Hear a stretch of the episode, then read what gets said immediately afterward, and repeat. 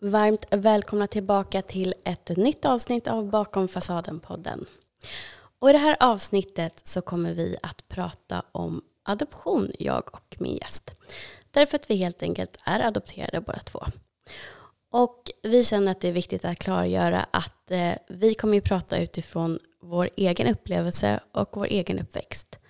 Vi talar inte för alla adopterade utan enbart för oss själva. Och eh, såklart så kan det finnas de som känner igen sig i någon av våra historier. Eller inte alls, eller lite grann. Och allt är okej. Vår ambition med det här är egentligen bara att belysa hur det kan se ut och uppfattas som adopterad.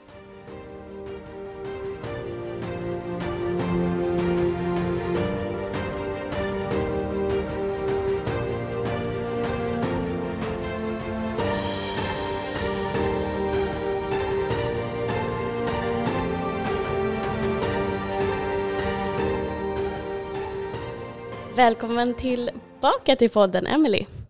Tack så mycket. Du har ju varit här förut i ett helt annat sammanhang. Absolut. eh, det var ju mer av ett eh, singelpodden-sammanhang. Ja, precis. Och nu är det ett adoptionssammanhang. Mm.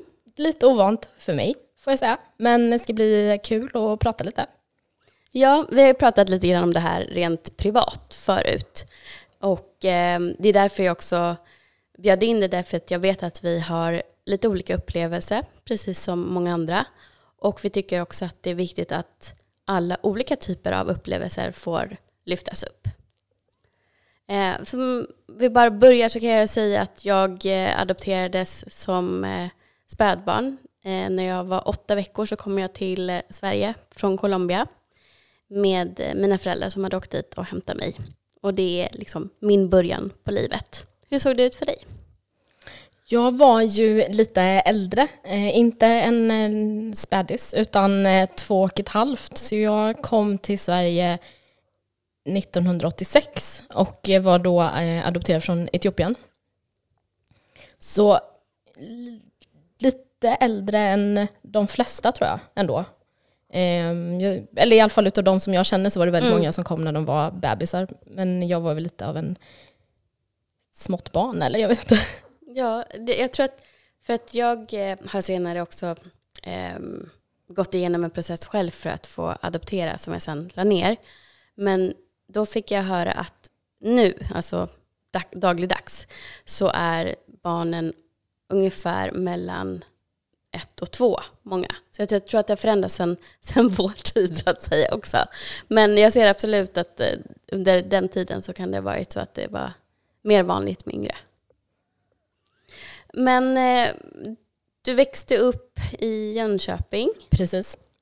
Hur var det där? Var det många som var av utländsk härkomst på, runt omkring dig?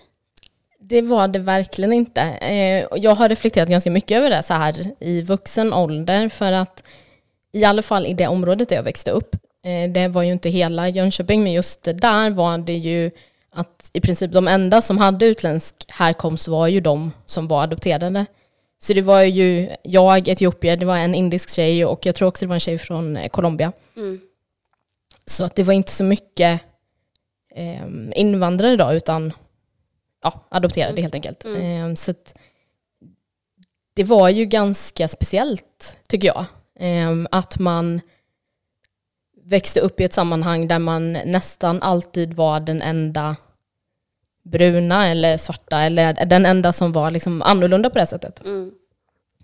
Ja, men det förstår jag. Och jag. Jag har väl någon hobbyteori också om att just, inte beroende hur annorlunda vi ser ut från de runt omkring oss, men hur annorlunda vi behandlas, att det gör stor skillnad. Att man kan komma från samma stad eller samma familj till och med, men ha helt olika upplevelser av den anledningen. Ehm, hur var din upplevelse? Kände du att andra behandlade dig annorlunda av den anledningen? Alltså jag skulle säga, om, om du hade frågat mig när jag var liten Mm. så eh, tror jag inte att det var så mycket som jag reflekterade över, att jag tänkte på eh, att folk behandlade mig annorlunda. Eller att folk sa saker till mig som, som inte var okej. Eh, det var ju allt möjligt. Typ tvätta dig för att du är smutsig för att jag är ju brun. eh, och det är ju inget att skratta åt, det är ju hemskt. Men jag tänker när jag var liten så tänkte inte jag, alltså, jag vet inte hur jag ska förklara, men det var som att jag reflekterade inte över att det var fel. Mm. För att jag såg inte mig själv som något annorlunda. Mm. Eh, och jag tror egentligen att det var först när jag kom upp liksom på högstadiet någon gång, för då började det komma in folk, eh, för vi bytte skolor, flyttade ner till stan och så vidare. Och då började det komma folk från eh, invandrarfamiljer eh, och att jag träffade några tjejer som var från Eritrea och från Uganda och så vidare och att det var som att det var då jag fattade. Mm. Ja men just det, jag är ju också jag är ju också annorlunda på samma sätt som mm. de var annorlunda. Liksom. Mm. Eh, så att nu när jag tänker tillbaka på det, då tycker jag att det är ganska så tydligt många så situationer i efterhand så här, hur jag blev annorlunda behandlad eller annorlunda bemött. Och att det har påverkat mig ganska mycket faktiskt. Mm. Men jag kan känna igen det där. Um, jag växte upp i Täby som ja, på 80-talet var liksom fortfarande Eh, vid tillväxt. Att det skapades egentligen den staden när vi flyttade dit. Um, för jag bodde i Farsta första åren och sen så flyttade vi dit 82 för att min lilla syster var på väg. Ehm, och jag visste inte heller att jag var annorlunda för att det var likadant där. Eh, det var väldigt få invandrare och de som var det, de var också redan väldigt integrerade. Eh, det kanske var så att ja, men någon kompis hade föräldrar från ett annat land och då fick man eh, spännande maträtter när man åt middag hos dem. Men det var inte så mycket mer än så att jag ens reflekterade över det.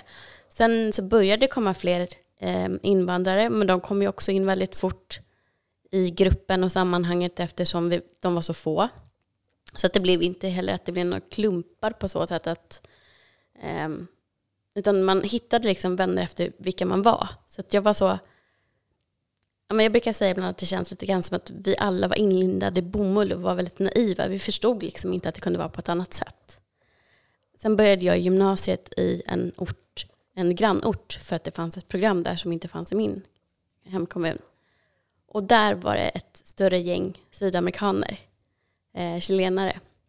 Och det var precis som du beskrev där, att det var då jag förstod att egentligen så är jag mer en av dem på sätt och vis än vad jag är en av dem som jag har känt mig som en del av. Och jag tyckte att det var jättejobbigt för att jag förstod inte spanska överhuvudtaget då. Eh, man fick inte läsa hemspråk eh, på den tiden om man var adopterad.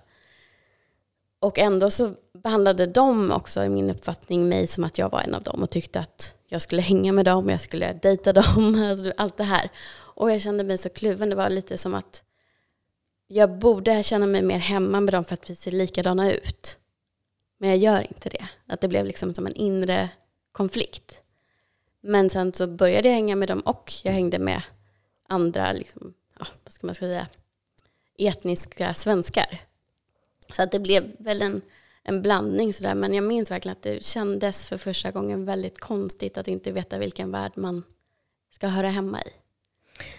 Får jag fråga dig då, eh, nu då när du fick eh, möjligheten att träffa fler sydamerikaner, alltså kände du att du sökte dig till dem eller ifrån dem? Um, ifrån dem tror jag. Jag tyckte att det var jobbigt att känna mig annorlunda. Och att jag borde känna mig hemma med någonting som var främmande. Eh, så jag tyckte att det var svårt. Sen tyckte jag om väldigt många av dem personligen som personer. Och jag tyckte att det var skönt på sitt sätt att hitta några som jag var väldigt lik. Jag vet att det fanns några systrar som där de kunde ta fel på oss för att vi var väldigt lika utseendemässigt. Även om vi kommer från olika länder eh, så var vi väldigt lika till utseendet.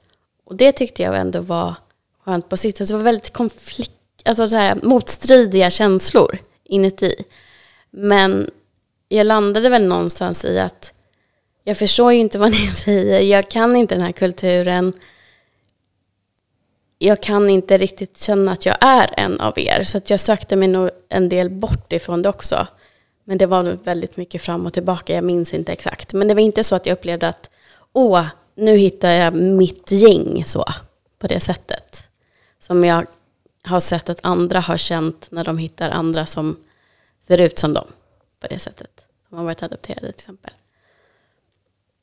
Men det hade ju kunnat vara så också. Det är det som är så häftigt, att man har så olika upplevelser. Mm. Men alltså jag, jag kan tycka att det är väldigt eh, också jättekonfliktfyllt för mig.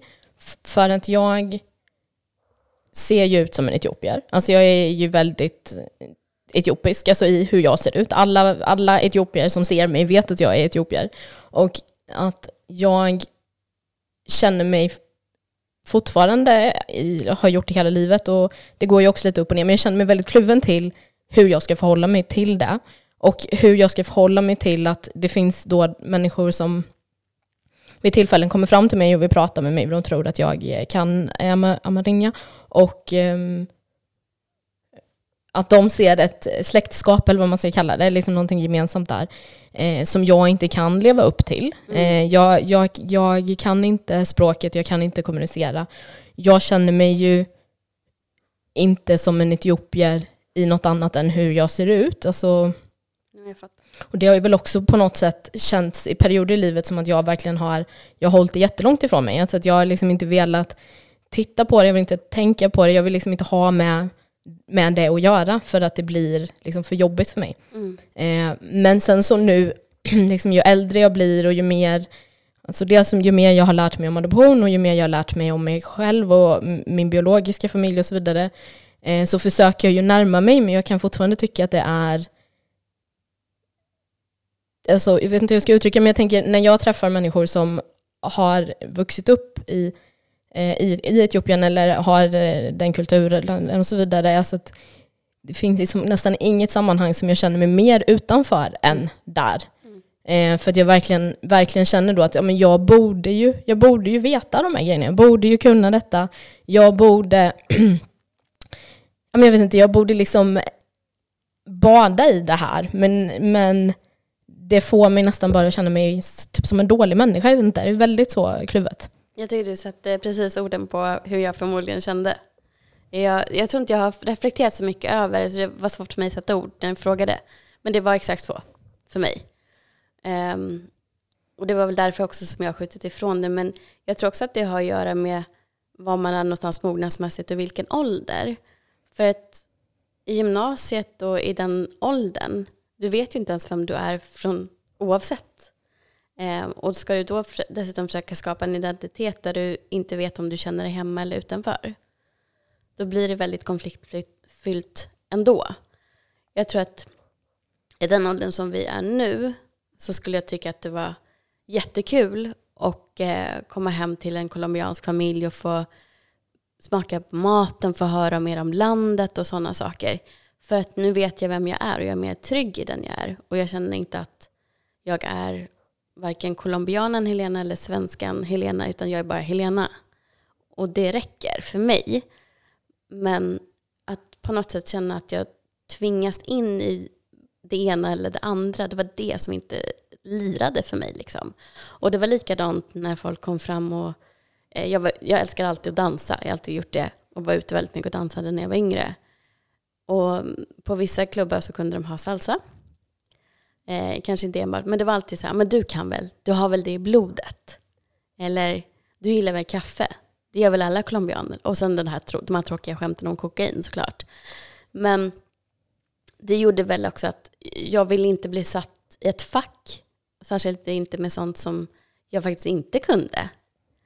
Um, så då blev det att jag inte ville dansa till perioden när jag blev lite äldre absolut ville dansa och kände då istället att jag kan ju inte, det är inte alls i blodet. Och kände mig dålig människa som du säger då. Um, för att jag inte var uppväxt med den typen av dans och sådana saker och då ja, kändes som att jag inte var den jag borde vara kanske. Så det har verkligen varit så fram och tillbaka och ja, det kanske, det det är möjligt att det är fler som känner igen sig i det, men jag känner verkligen igen mig i det du säger. Just i, i den frågan. Men har du åkt tillbaka? Ja, Jag har ju faktiskt gjort det. Jag gjorde det för tio år sedan ungefär. Eh, och då åkte jag väl egentligen tillbaka, eh, om vi ska ta en snabb eh, bakgrund bara. Ja, så, jag adopterade ju som sagt kom till Sverige 86 och eh, anledningen, eller en av anledningarna till att jag blev adopterad var ju för att min mamma dog när jag föddes, alltså min biologiska mamma dog. Och jag har ju fått berättat för mig nu då, så jag kan inte svara för om Mm. du vet vad som är sant och allt det där. Men hon dog på ett sjukhus och ehm, hon hade inte behövt att dö. Det var någonting som hände som var felaktigt. Eh, och eh, det, var en läkare som var överläkare på det här sjukhuset. Han tog på sig att hjälpa mig av någon anledning. Om det var skuld eller något annat, jag vet inte. Så det var han som eh, roddade med adoptionen till visst. Eller vad vad jag förstår så var det han som fick det att hända. Eh, och den här mannen då har min familj här i Sverige haft lite sporadisk kontakt genom åren. Han addade mig på Facebook, hans dotter addade mig på Facebook och då för ungefär tio år sedan då hörde hans dotter av sig till mig och sa att eh, nu är den här mannen eh, som hette Dr. Asefa, eh, nu är han gammal och lite sjuk och vill du träffa honom så bör du åka ner nu. Mhm. Eh, och då var jag så här, inte på en plats egentligen där jag, jag har inte, när jag var yngre, inte varit jätteintresserad av att leta upp min familj, även om jag, till skillnad från jag vet att många andra adopterade inte har så mycket historia, men jag hade ganska mycket information och möjlighet att hitta dem i och med den här doktorn då. Mm. Eh, men det var liksom ingenting som jag reflekterat över och kanske inte riktigt hade velat. Men då när hon hörde av sig så bokade jag en resa ner då, eh, för en vecka. Och med syfte att träffa den här läkaren helt enkelt.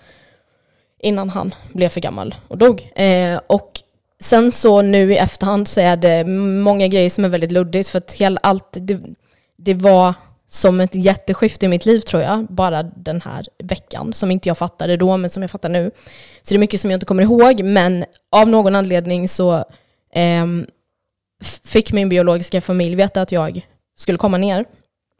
Jag utgår ifrån att det var de då, Dr. Assefa och hans dotter, som hade sagt till dem. så att när jag var på hotellet där då i eh, Addis, dit jag bodde, jag bodde på ett hotell som drevs av en svensk eh, kvinna som hade gift sig med en eh, etiopisk man. Och eh, då kom min, alltså nu blir jag lite ledsen, vänta. Det är helt okej. Jag var på det här hotellet då och väntade. Ehm, och jag utgår väl från att vi hade kommit överens att de skulle komma, men jag kan inte komma ihåg att vi gjorde det, men det måste ju varit så. Och jag sitter där på eh, någon så här uteplats på hotellet och så kommer det liksom eh, två män då och en kvinna. Gud, vänta. Så jag tänkte att jag inte, det här är inte så känsligt, men det är fortfarande så Det är jävla klart det är det. Det har det varit för mig också. Ja. Det kommer, alltså två, det kommer två män och en kvinna då och de reagerar alltså så här, du vet, gråter och bara Alltså väldigt starka känsloreaktioner liksom. Och jag fattar ju att det här är mina släktingar liksom. Eh, och då vis, alltså när det hade lugnat ner sig lite så var det då, det var en av mina bröder, min, en äldre syster och min biologiska pappa som kom. Oj, så pass. Eh, och det var... Alltså det är ju svårt att beskriva med ord. Alltså det var ju en, en känslostorm såklart. Och att det var något så här sjukt att så här se framförallt min syster och min eh, biologiska pappa då. Alltså se de här människorna som är så här en sån uppenbar spegling av mig. Jag och min, min syster som kom då, vi är väldigt lika varandra, alltså fysiskt väldigt lika. Och min biologiska pappa är också vissa delar av honom, jag ser mig själv i honom liksom. Mm. Eh, och det var väl som sagt mycket chock i det. Eh, och sen så blev det ju som den här veckan då som egentligen skulle vara så här, en vecka i Andis, träffa Dr. Seffa, kanske göra lite sightseeing och så vidare. Det blev ju liksom något helt annat för de var ju så här, men du måste ju komma till din födelsestad där du föddes, du måste, ju, du måste gå åka med oss dit. Eh, så att jag satte mig på någon buss tillsammans med dem då som gick tvärs genom hela Etiopien eh, till Harar där jag föddes. Och där fick jag då träffa resten av mina syskon. Eh, ytterligare en syster, äldre syster, som var också jättelik mig, eller väldigt lika. En äldre bror eh, och liksom, jag vet inte, kusiner, kusinbarn, mina systrars män, min sys syskonbarn, alltså det var... Alltså jag blir typ överväldigad när jag hör det. ja, nej men alltså det var, alltså det var fantastiskt såklart på många sätt, men det var också chockartat, för det mm. var inte det jag mentalt var förberedd på tror jag. Och jag tror också att det blir en konflikt i hela den här grejen då med att man eh, blir adopterad till Sverige och så får man en historia med sig så här, om eh, vilket liv man hade levt om man var i Etiopien. Du vet, du mm. hade allt från att man hade dött till att man hade varit prostituerad till att man hade mm. haft 40 barn och så vidare. Och, så vidare ja, liksom. eh, och i mitt möte med min biologiska familj så blev det ju väldigt, väldigt tydligt ganska snabbt att det fanns inte så mycket substans i det. Eh, för att de var givet jämfört med svenska mått såklart att det är en ekonomisk, jättestor ekonomisk skillnad. Mm. Men de det livet de levde nu var inte så utsatt. Liksom. Ehm, de hade mycket struggles och har väl det fortfarande och jag menar liksom inte att det på något sätt inte skulle vara så att de eh, vet det, att, liksom att det finns fattigdom och sådana grejer. Men det var ju inte alls den bilden som jag hade fått med mig. Och jag tror att det var en chock, chockgrej. Eh, och sen så var det väl också så här att jag fick reda på att jag hade två syskon som hade dött. Eh, en av mina äldre bröder och eh, min äldre syster. Eh, av olika anledningar. Eh, och det var som att det var som att jag var så utanför min egen kropp typ. Och eh, att se de här, för det tror jag, jag har ju växt upp som ensambarn i den familjen som jag adopterades till. Och har ju eh, som sagt inte haft så många liksom, eh, etiopier i min närhet och inte så många invandrare överhuvudtaget liksom, under hela mitt liv. Och att komma till den här platsen och se de här syskonen som jag bara ser mig själv i allihopa på ett eller annat sätt. Det var väl också någonting som jag insåg att jag hade saknat. Typ. Alltså så här, att man, så här, man vet att de finns där men man har liksom ingen relation och man känner dem inte. Och man, alltså det är någonting i periferin. Liksom. Men och så, och så få de här ansiktena var ju fantastiskt. Eh, sen så under den här vistelsen då så tog de mig till det sjukhuset där jag föddes och där jag spenderade min första tid för då jag eh, var på sjukhuset ganska mycket eh, för att jag var bebis och min biologiska pappa inte kunde ta hand om mig. Då. Eller det var den historien jag fick från början i alla fall. Eh, och då var det ju också något sjukt i att den här personalen som var på det här sjukhuset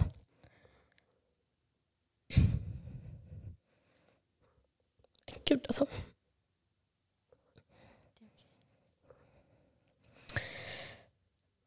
De visste ju precis vem jag var. Kom ihåg mig jättetydligt. Eh, hade sparat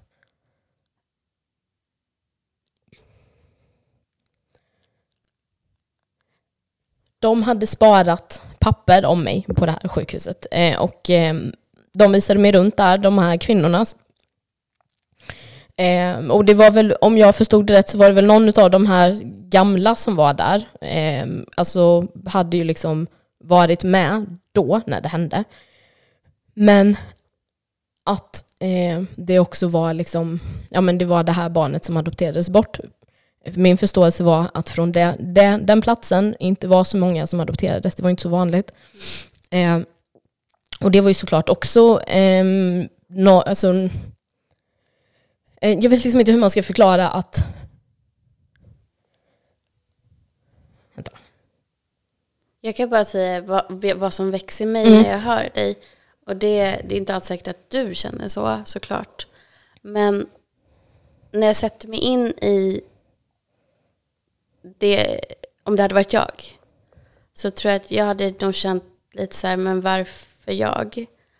Och känt mig lite sviken. Um, om det inte var så dåligt som det utmålats, varför lämnade de bort mig? Sen om det har att göra med att jag själv bär på sådana tankar rent, alltså mot en människa som jag inte vet egentligen någonting om. Bara på grund av att jag har blivit bortlämnad. Alltså det här sårade inre barnet som ändå inte någonsin kommer förstå oavsett om det var för ens bästa eller inte. Varför lämnade du mig? Att det, jag skulle nog uppleva, eller jag upplever i din historia att det skulle på något sätt bli upprivet igen. 100 procent. men alltså, grejen är ju den att hela den här upplevelsen, den här veckan, det var ju, alltså jag var jättearg när jag kom hem. Mm. Jättearg. Um, och att jag var så här, men precis som du säger, varför lämnade det ni mig? Sen så var det ju så här, en av mina bröder kunde prata engelska, så det var han som liksom gjorde översättningen. Det var lite svajigt och jag kan ju som sagt inte amarinja. Eh, det var mycket saker som sades där under den här veckan som jag kände så här, att jag förstod inte vad de menade riktigt och var lite så här, ha, ja men du, du vet, man känner att men jag missförstår nog eller så, alltså att det är något missförstånd och sådär. Men för att fortsätta på hela så här, att liksom den här eh, skiftet i mitt liv så var det för några år sedan nu då, fem år sedan någonting, så fick jag kontakt med en man som bor i Kanada. Eh, som var så här, jag måste prata med dig Emelie, eh, liksom, vi, vi måste prata. Och jag vet inte varför jag tackade ja till att prata med honom. Någon känsla, vad det nu var. Han sa att han kände min biologiska familj. Och så visade det sig att den här mannen, han, eh, han har bott i Kanada i jättemånga år, men han har vuxit upp med mina syskon i samma område och så vidare. Och han har gett mig lite mer nyanser och förklaringar på saker och ting. Och då är det ju återigen en av anledningarna till kanske som jag kan känna eh, mycket ilska i livet fortfarande kring hela den här grejen är väl för att eh, det är jättelänge sedan nu. Det är jättemånga människor som har varit inblandade i det här som har dött och det är många människor som eh, kanske inte kommer ihåg exakt vad som har hänt och du vet, minnet är ju så här, man vill väl alltid framställa sig själv som den som gjorde rätt. Mm. men den här mannen då i, i Kanada som jag har lite liksom kontakt med, han, vi har ju pratat ganska mycket på telefon och han har hjälpt mig att översätta med min biologiska familj. Och enligt honom så var det nog så att det kanske inte riktigt hade framgått att jag skulle adopteras bort, utan att uppfattningen hade varit att jag skulle vara borta några år, bli omhändertagen när jag var liten och sen komma tillbaka. Mm. Vilket då resulterade ju i att och jag tror också att det är anledningen till att det kanske var så många som kom ihåg mig då på sjukhuset och som kom ihåg mig i området och så vidare, var ju att alla undrade så här, men var tog hon vägen? Varför kom hon inte tillbaka för? Mm. Och den här läkaren som hade roddat med adoptionen, han hade tydligen eh, undanhållit informationen då från min biologiska familj om vad jag var och så vidare. Och eh, så som eh, den här mannen i Kanada förklarade var så att de har letat efter mig i många år. Eh, en av den här brodern som dog, han har letat efter mig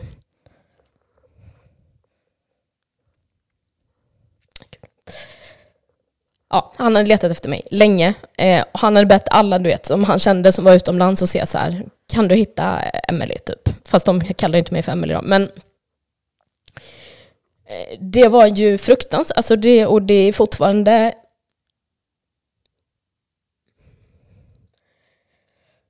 väldigt jobbigt såklart. Eh, och jag tror att jag blir så, här, så arg över att en grupp människor som säkert gjorde det utav någon, eller jag hoppas det, att man gjorde det utifrån någon vilja att göra gott.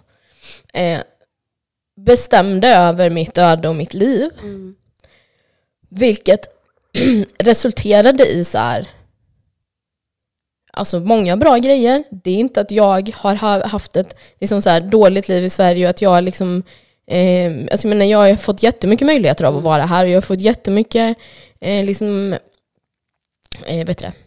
Jo, ja, men det handlar inte om det. Nej, men att det mm. liksom ändå blir så här då, det är som att någon har tagit någonting ifrån mig. Ja, eh, och att det då blir så här, dels kulturen då, språket, eh, familjen. Det är så mycket som jag känner mig berövad av. Mm. Typ. Och med att det har gått så lång tid eh, och att jag liksom inte riktigt har förstått och liksom fått reda på saker förrän jag är i 40-årsåldern. Det gör ju också att det är så mycket tid som bara är så förlorad på något sätt. Mm. Eh, och det gör mig väldigt arg och väldigt ledsen och jag tycker också att det är väldigt, väldigt svårt att så här, eh, också förhålla sig till det nu då. För jag, vi, jag har kontakt med min biologiska familj nu då via Facebook och så vidare och försöker kommunicera men vi har ju inte samma språk och det är väldigt, väldigt svårt.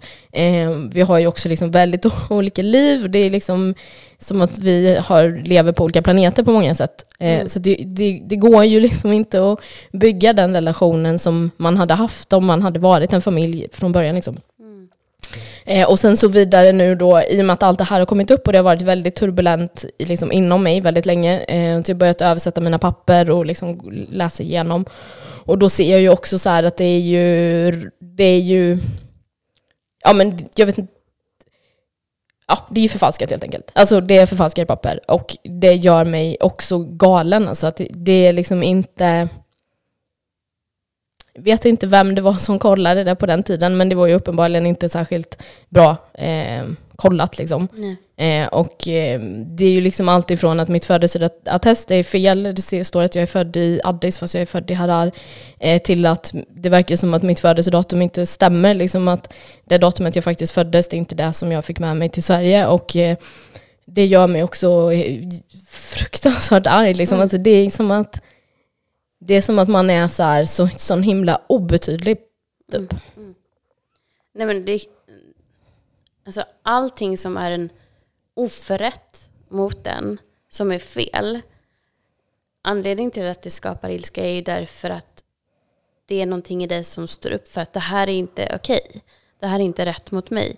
Och där, där måste ilskan få, få komma och bli tillåten och accepterad av inte bara dig utan alla runt omkring. För den är så berättigad. Och jag blir väldigt, väldigt berörd av att höra det här. Jag förstår med 110, alltså 1000 procent hur du känner. Och jag blir arg å dina vägnar också. För jag förstår också hur, hur det känns verkligen att du har blivit... De, har tagit ifrån dig så mycket som du inte har fått välja själv om du vill ha eller inte. Hade det här skett på, med mer öppna kort då kanske det hade kunnat bli ändå så här att det hade varit någon typ, nu vet jag att det går inte att adoptera på en tidsbestämd, ett tidsbestämt sätt. Men om det då inte hade blivit en, en adoption utan istället kanske en fosterfamilj och den då när du hade blivit gammal nog att få fatta egna beslut hade funnits här, vill du flytta tillbaka eller inte? Alltså allt sånt där, sådana tankar kommer ju upp oavsett om det är möjligt eller inte. Bara för att det är så fel det som har hänt. Och jag tror att det är det också som lyfts upp mer och mer i ljuset är sådana här saker som har hänt just i samband med adoption eh, i andra länder också. När det har varit barn som har blivit bortrövade och det är papper som inte stämmer och sådana saker. Och det, det påverkar ju inte bara adoptivbarnen, människan, individen och så vidare, utan även familjen, eh, den biologiska familjen och adoptivföräldrarna som oftast inte vet det här. Och det blir så konstigt för det är så mycket annat som är inblandat från första början som skapar trauma i oss oundvikligen. Min åsikt, det här, säga, det här är min personliga åsikt, är ju att alla vi som är adopterade kommer ha en otrygg anknytning från början och det går inte att eh, Eh, förändra eh, på så sätt att det blir så. Det går att förändra själva anknytningen längs med livets gång. Men det går inte att förändra det faktum, anser jag, att det kommer ske. Detta därför att vi tas ifrån vår första anknytningsperson i den processen. Um, och att då lägga på ännu mer med den här typen av hantering. Det är det som skapar så mycket ilska också. För att det, det är så... Jag kan också förstå välmeningen, men det är samma sak som när, när jag får höra av att när jag har berättat om min ilska bara av att ha blivit bortlämnad. Att jag inte kan tänka att min biologiska mamma gjorde det för min skull, även om det intellektuella och det vuxna i mig kan se det, så kan jag inte köpa det till hundra procent för att då sviker det lilla barnet inuti mig som fortfarande är arg och tänker varför lämnade du mig? Jag kommer aldrig riktigt, riktigt komma till en acceptans där tror jag. Och det är helt okej för mig. Men att då få höra kanske att hon inte har gjort det frivilligt till exempel skulle ju kasta omkull hela min sanning, hela min värld, hela min uppfattning om situationen. Och det är det som tyvärr händer. Nu tog det här samtalet en helt annan vändning än vad vi hade tänkt, men jag bara tänker att det är viktigt att ta upp det också. 100 procent. Jo, men jag tycker att det är eh, oerhört intressant just det där med eh, som oavsett vi, på vilket sätt man eh, kommer bort från sin biologiska mamma, eller den personen liksom man har vuxit i magen på, mm, mm. Eh, så tror jag absolut att det är ett jättestort avtryck i alla. Liksom. Eh, jag har läst en bok som heter eh, The Primal Wound, som pratar jättemycket om så här, när börjar anknytning egentligen? Så här, hur påverkas man och också i ljuset av då adoption. Eh, och liksom hur man, de flesta barn som är adopterade, de här internationella adoptionerna som har skett eh, genom åren, då, då är det ju liksom, det är ju inte bara ett första, en första anknytningsperson som försvinner. Alltså, det är den biologiska mamman. Sen är det ju ofta då att man kanske har hamnat på Eh, se att man har hamnat på barnhem eller att man då, som i mitt fall, att jag var på det här sjukhuset ganska mycket, knöt säkert an till personer där. Eh, och så vidare. Man kan ju bli lämnad flera gånger ofta. Jag tänker ofta, om jag tänker på min egen så situation så tror jag liksom att jag har sett, eh, fått liksom klarhet i att jag i alla fall blivit lämnad tre gånger. Eh, och jag menar när man är så liten så är det väl, det måste ju vara jättesvårt och att man måste vara rädd och ledsen och allt det där. det är klart att det påverkar en upp i vuxen ålder. Och då tänker jag liksom för då oss som är adopterade, eh, när man också hamnar i det här att man kanske inte, man vet inte riktigt omständigheterna, man vet inte vad som har hänt och så vidare.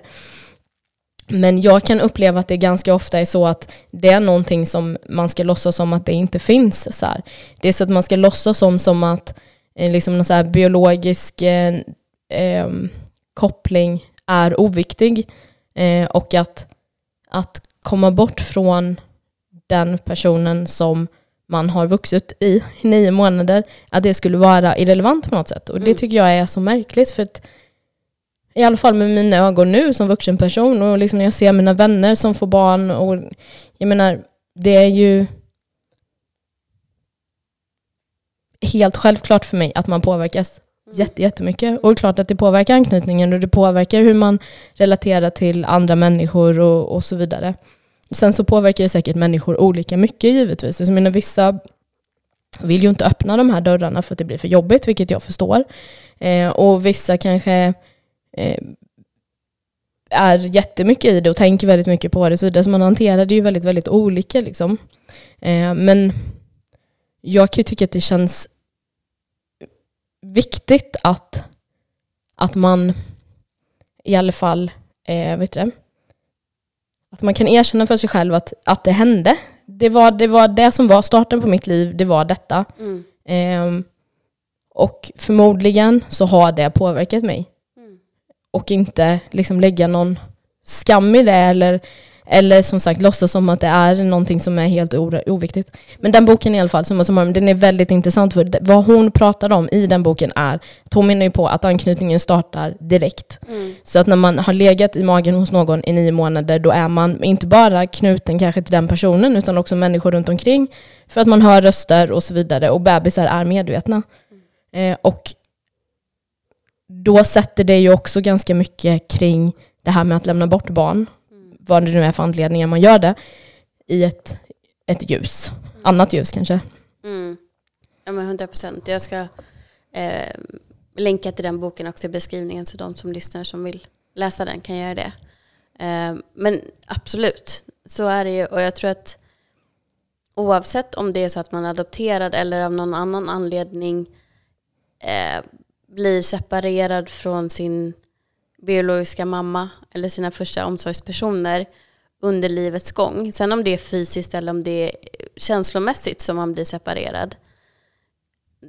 Det spelar liksom ingen roll, men vi måste som du säger bara erkänna det för oss och för att också förstå varför vi har blivit som vi har blivit.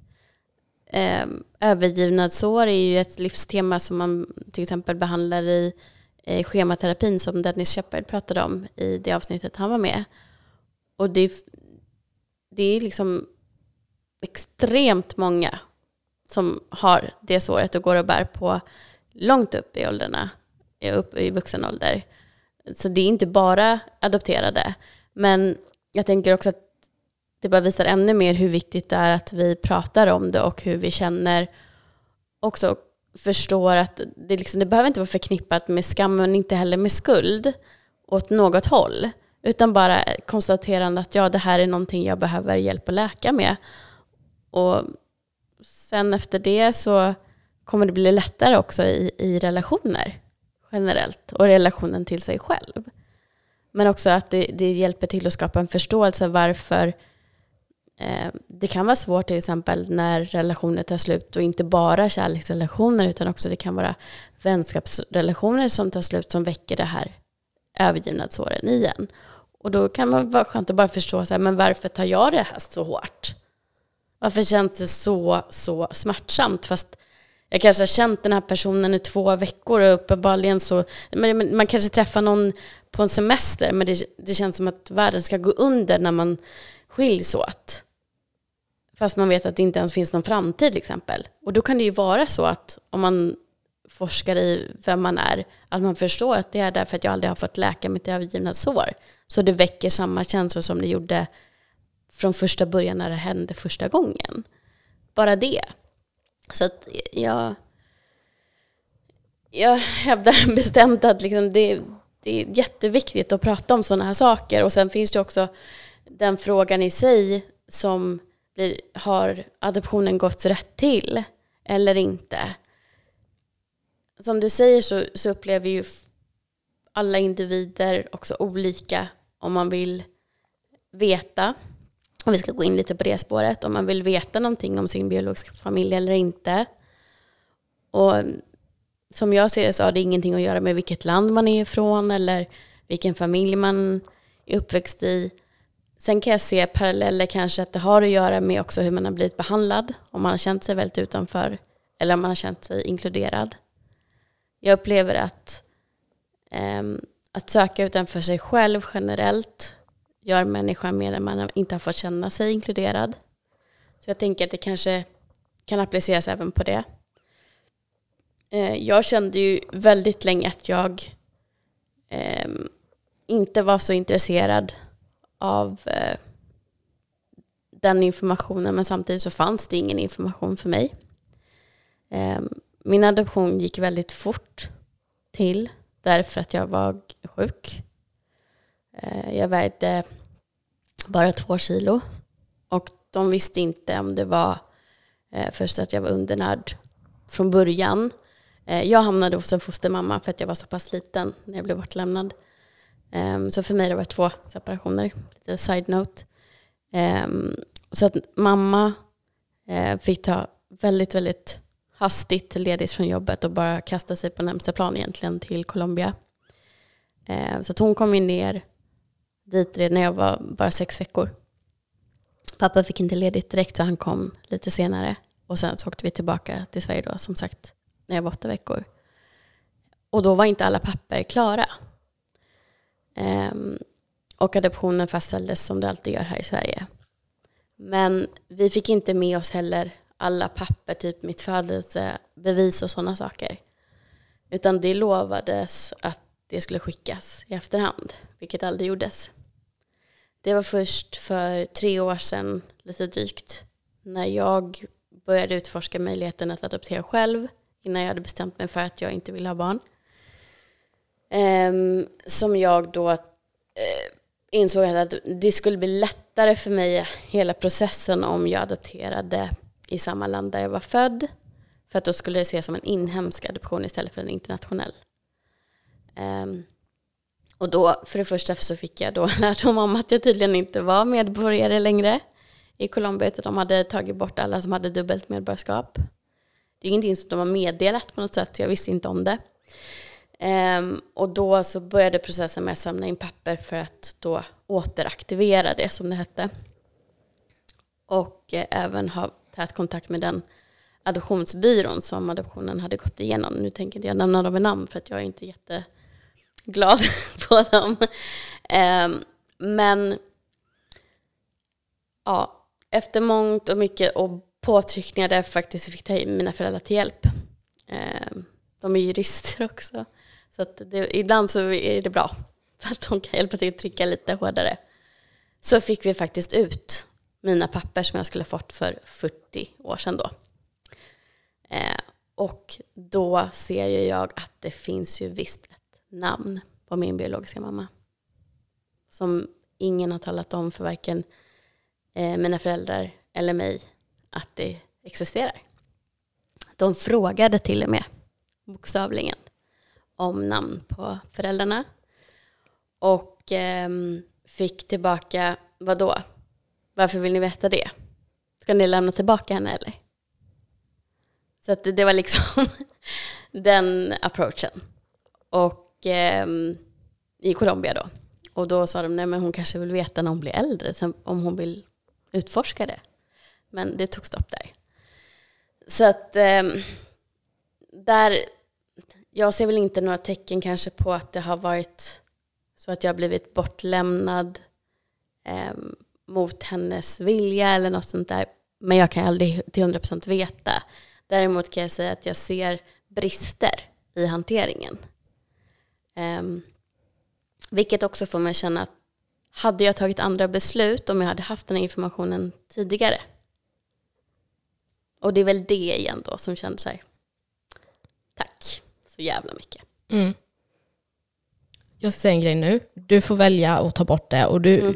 du får också liksom, för jag fattar att det här är skitsvårt och jättejobbigt och du får liksom, vad säger man, att det får landa. Ja, ja absolut. Ja. Men jag har varit, pratat en del med de här Kila-adoptionsmänniskorna. Eller de som har varit Jag har varit på föreläsningar och eh, sådär. De, det var en tjej som skrev en bok och så vidare. Eh, för det du berättar är ganska många sådana historier i Chile-adoptionerna. Mm. Eh, och det de sa till mig, när jag, eller som de sa på den här när jag satt och lyssnade var så här. Eh, en jättestor varningsflagga med mm. adoptioner som inte har gått rätt till mm. är att barnen kommer när de är så små mm. och att det inte finns papper på plats. Mm. Och jag tänker att det kanske går att utforska den. Mm. Jag vet inte om du vill liksom mm. leta efter din biologiska mamma och sådär. Eh, men det, det, var en sån här återkommande grej som de sa, för det var många av de här Chile, om jag förstod rätt, att de här Chile-barnen, eh, adoptionerna gick så fort för att de tog barnen från mammorna. Mm, liksom, på, ja, men det vet jag. Ja, mm. så. Eh, men bara en tanke, för mm. det, det, var um, som de, någon sa där, bara att det är en stor varningsflagga. Liksom. Eh, alla bebisar som är så små. Mm. För att man kanske inte sätter så spädbarn på flyg plan. Liksom. Mm. Så. Mm. Jag vet inte. Nej men det är mm. jätteviktigt att ta, ta med. Eh, så det, det, tycker jag. Det är bra att ha, få ha den jag tänker, jag tänker så här, all information som vi inte har fått, som vi ändå har rätt till, känner jag, är bra att ha. Sen så som du säger, man får ju ta det som man vill. Eh, och de här papperna har funnits hos eh, adoptionsbyrån hela tiden. Mm. Eh, för de, de har suttit ihop också med papper som har skickats ner i återrapporteringen och sådana saker. Um, men det kan ju fortfarande vara så. Nu är jag så eh, på något sätt, eller jag kan, jag kan inte säga hur jag kommer känna om ett år eller två år. Men där jag är idag så känner jag inte jag kommer aktivt söka efter mer information. Och återigen, jag tror att det har att göra med att jag känner att jag vet vem jag är utan den. Um, men jag skulle bara vilja att alla får chansen att välja det med alla eh, korten på bordet från första början. Um, och sen så man väljer ändå inte göra det, men det är ju helt okej, det får man göra vad som känns bäst i sig själv. Men det jag motsätter mig det är att det liksom mörkas saker överhuvudtaget. Det är det som väcker ilska i mig. Um, och, och, skulle det vara så så tycker jag att det känns väldigt sorgligt framförallt för min biologiska familj. Um, men av någon anledning så känns det också som att det ändå har varit så, så, stor mening med att jag har hamnat där jag har hamnat. Och just i den familjen. Um, för att vi är väldigt nära varandra i min familj. Och jag tror hade jag inte varit det Eh, så hade jag känt helt annorlunda. Mm. Men alltså, det, det, jag håller väldigt mycket med om det, för det är ju någonting i det här med att, att inte delge all information och att man inte alltså, man kan ju hävda på många sätt att det var en annan tid. Det, det är ju länge sedan nu, man är ju ingen nyponros längre så att säga. eh, men att det är länge sedan, det var en annan tid. Man kanske såg på eh, barn på ett annat sätt och man såg också på så här, rätten till sin historia på ett annat sätt. Mm. Eh, men, men de här historierna eh, som, som jag hör, och jag tänker kanske många som är intresserade av adoption och som är inne och grottar i de här olika händelserna som har varit senaste, ser är ju återkommande att det är myndighetspersoner på olika sätt som undanhåller, undan, undanhåller information. Det är adoptionsnätverk ehm, eller eh, företag som underhåller information. Det är liksom information som undanhålls liksom lokalt i de här olika länderna. Ehm, och att man liksom förvägrar människor rätten, precis som du säger, rätten att välja och rätten att veta. Och det som jag också känner att jag kan känna en väldigt stor um, ilska över för det, det kanske inte kan appliceras egentligen på mitt fall, men på så många andra är just det här att man, man också pratar om de här kvinnorna som är biologiska mammor eller de här familjer, biologiska familjerna, att man pratar om dem i, på ett sätt som gör att man kanske inte vill leta upp dem. Alltså att man pratar om om en, din biologiska mamma var prostituerad till exempel, mm. eller hon knarkade, hon hade de här problemen, eller din familj, de var fattiga, de kunde inte göra ditten och datten. Ditt liv skulle vara så fruktansvärt. Och det är den historien man får mm. med sig från när man är väldigt, väldigt liten. Och då är det ju, jag eh, ska se om jag kan formulera det här, för det här har liksom gjort mig väldigt upprörd. För det, det, är ändå ett adopterat barn som kommer eh, och växer upp ett helt liv med en historia med sig som målar deras ursprung, deras eh, biologiska familj och allt det där i mörka färger så att säga. Eh, och att man känner, jag vill inte kännas vid den här delen av mig. De lämnade mig, det var inte, det var inga bra människor liksom. Och sen så är det då en biologiska familj på andra sidan, om man tar de här olika exemplen i Chile då, där det är så biologiska familjer som har blivit berövade sina barn. Alltså det är ju allvarliga brott, alltså kidnappning och det är de här mammorna har blivit, fått informationen om att deras barn är döda. Och då har man ju liksom medvetet eller omedvetet, det vet jag inte, men man har gjort en situation där det finns en, en biologisk mamma som inte letar efter sitt barn för hon tror att barnet är dött.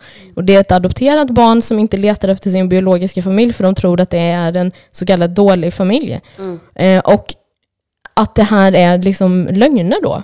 Alltså jag tycker att det är helt förkastligt och jag, för, jag kan liksom inte förstå, även på 70 och 80-talet och när alla de här grejerna hände, liksom hur man hur man ens resonerade och liksom varför man då tyckte att det var rimligt att inte, inte låta de här människorna få veta var, var de kommer ifrån. Och som du säger, göra valet sen. Okej, okay, men vill man söka eller vill man inte?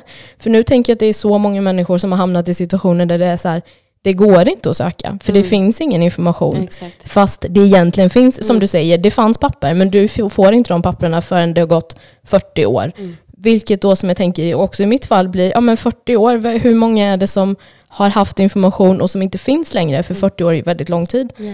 Sen så är det väl så här, när är man mottaglig för sån här information eller när är det rätt tid?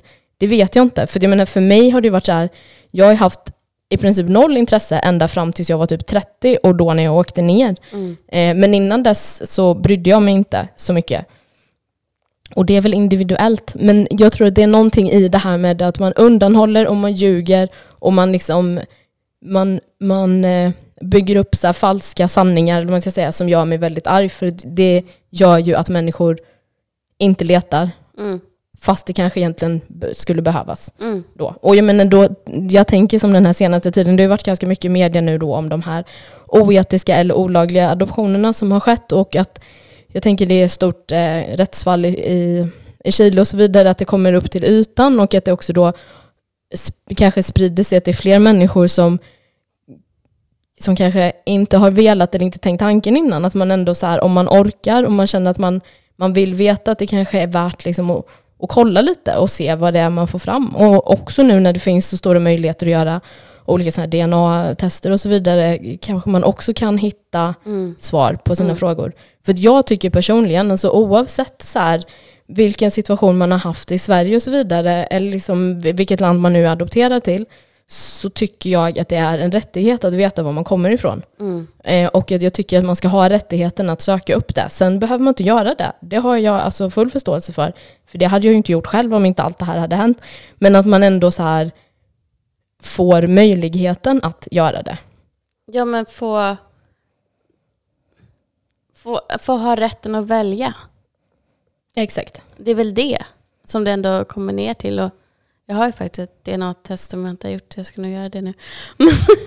men, men, nej, men jag känner väl det så här att skulle jag göra det här eh, och söka mer så skulle det inte vara för min skull utan för eh, min biologiska mammas skull. Bara för att på något sätt försäkra mig om att hon får reda på att jag mår bra. Eh, och sen får det vara så. Mm. Men jag kan bara jämföra med det landet som min syster är ifrån. Hon är född tre år, hon är tre år yngre än mig. Så det var fortfarande under samma tid kan man säga. Där fanns allt på papper. Hon har fått göra det valet som, som jag inte kunde göra. Och där kan jag tänka att nu vet jag att det här är så byråkratiskt och allting. Det, liksom, det, det har väldigt mycket att, att, att sätta press på flera olika instanser såklart.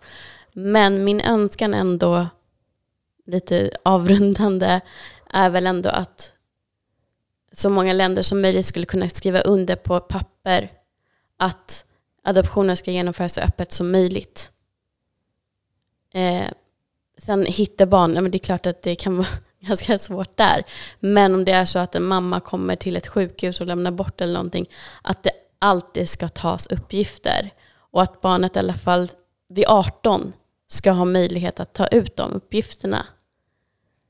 Sen kanske man kan sätta en klausul då om det är så att det är känsligt till exempel i familjen att de inte vetat om att hon har varit gravid eller vad som helst. Men bara att båda ska ha möjlighet i alla fall att få rätten till att få veta var de kommer ifrån.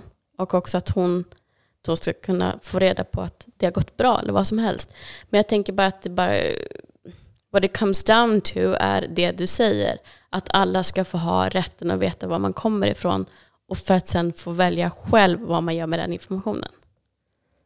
Exakt, Nej, men verkligen. Jag håller, håller absolut med. Och att det ska vara rättssäkert. Liksom. Att man inte ska kunna hålla på och liksom handla med människor. Alltså, jag tycker det, är, så det är sjukt. Ehm, men det, jag tänker det är ju ganska mycket förändring som sker nu parallellt. Jag tänker adoption överlag har ju gått ner väldigt mycket om jag, vad jag har förstått. Alltså för att det finns andra möjligheter att få barn nu som kanske inte fanns förr. Eh, och att ehm, de här länderna som kanske var väldigt, väldigt, väldigt eh, fattiga och utsatta då börjar, alltså att det blir bättre eh, liksom, eh, nationellt på olika ställen. Och sen är det ju vissa länder som jag vet, Etiopien, vet inte hur det ser ut just nu, men de stoppade ju alla in- internationella adoptioner för att det hade hänt många hemska saker med folk som har blivit adop- adopterade därifrån. Ehm, så det, det, är ju, det är väl något skifte nu. Och vär, ja, Mm. världen ändras ju. Mm. Men jag hoppas också att ehm, det, om det ska adopteras framåt i tiden, att det blir bättre, bättre struktur och koll. Liksom. Absolut. Så det, det kan vi ju gemensamt avsluta med att det är så vår önskan ser ut framledes.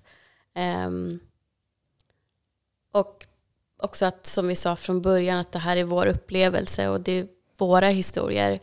Um, det säger, jag säger inte att jag på något sätt är negativ till adoptioner eller internationella adoptioner för den skull, för det finns ju också väldigt mycket bra med det, men det måste gå rätt till. Um, ja, det är väl egentligen det jag har att säga avslutningsvis. Är det någonting du känner att du vill tillägga? Nej, det är väl verkligen också så att komma ihåg att man orkar inte alltid. Man orkar inte alltid leta upp den här informationen, man orkar inte alltid öppna de dörrarna. Och jag tycker också att det är viktigt att, att känna att det är ju också okej. Okay. Eh, att mm. inte känna att man vill leta eller att man vill veta. Eh, men jag tror att man kanske kan få ganska mycket förståelse för många saker eh, om man får svar på vissa av de här frågorna som man kanske går med. Mm. Och sen eh, tänker jag också, det finns också mycket föreningar i Sverige eh, just för adopterade och där kan man också träffa andra från samma land till exempel och välja att kanske utforska tillsammans men att man kommer hitta andra som också förstår mer. Um, om man vill helt enkelt. Att man tar de eh, verktygen som finns helt enkelt. Um, så jag ska leta lite sånt också och försöka länka till mer i eh, beskrivningen till det här avsnittet. Och um, rent generellt, det här är ingenting jag pratar jättemycket om. Jag är inte jätteöppen för att prata om det jättemycket i DM heller faktiskt, måste jag säga. Eh, jag pratar jättegärna om anknytning och allt möjligt annat. Men just adoption känns lite för personligt och eh, jag är inte jätteöppen till den dörren. Så det vill jag bara klargöra eh, för er, för jag brukar vara väldigt öppen med att alla får ställa frågor och höra av sig. Eh, men det, det är min, eh, min syn på det hela. Hur känner du där? Ja, jag tänkte precis säga, vem skulle skriva till mig? Men jag kan absolut prata, jag, om det är någon som vill absolut mm. prata om det så eh, skriv och se. Mm. Jag är ju ingen expert på något sätt. Men, däremot... men jag tänker om det till exempel är någon som känner igen sig i din historia eller är från samma land eller så, för du är mer engagerad i det än vad jag är också. Absolut, ja och jag tänker att jag kan säkert också kanske hjälpa till och slussa mm. till vidare för jag eh, är ingrottad just nu i det. Så ja, ja, exakt. Så där är Emily ett eh, mycket bättre val. Så att jag länkar också till eh, din A-Work Consulting yes. i Instagram. Och jag vill bara säga stort, stort tack för att du har varit med idag och eh, delat din historia. Det betyder jättemycket för mig personligen och också för alla som lyssnar. Tack för att vi fick komma. Superkul. Och eh, självklart så tycker jag också eh, att eh, jag vill passa på att rekommendera podden som Emily och Sanna har, Singelpodden, eh, för mer datingrelaterade frågor. Men eh, ja, den är helt underbar. Så att, eh, där tycker jag definitivt att ni ska investera och eh, lyssna på den på Patreon. Det länkar jag också till i beskrivningen. Tack så jättemycket för att du har lyssnat. Tack för att du tar till dig och eh, dessutom delar.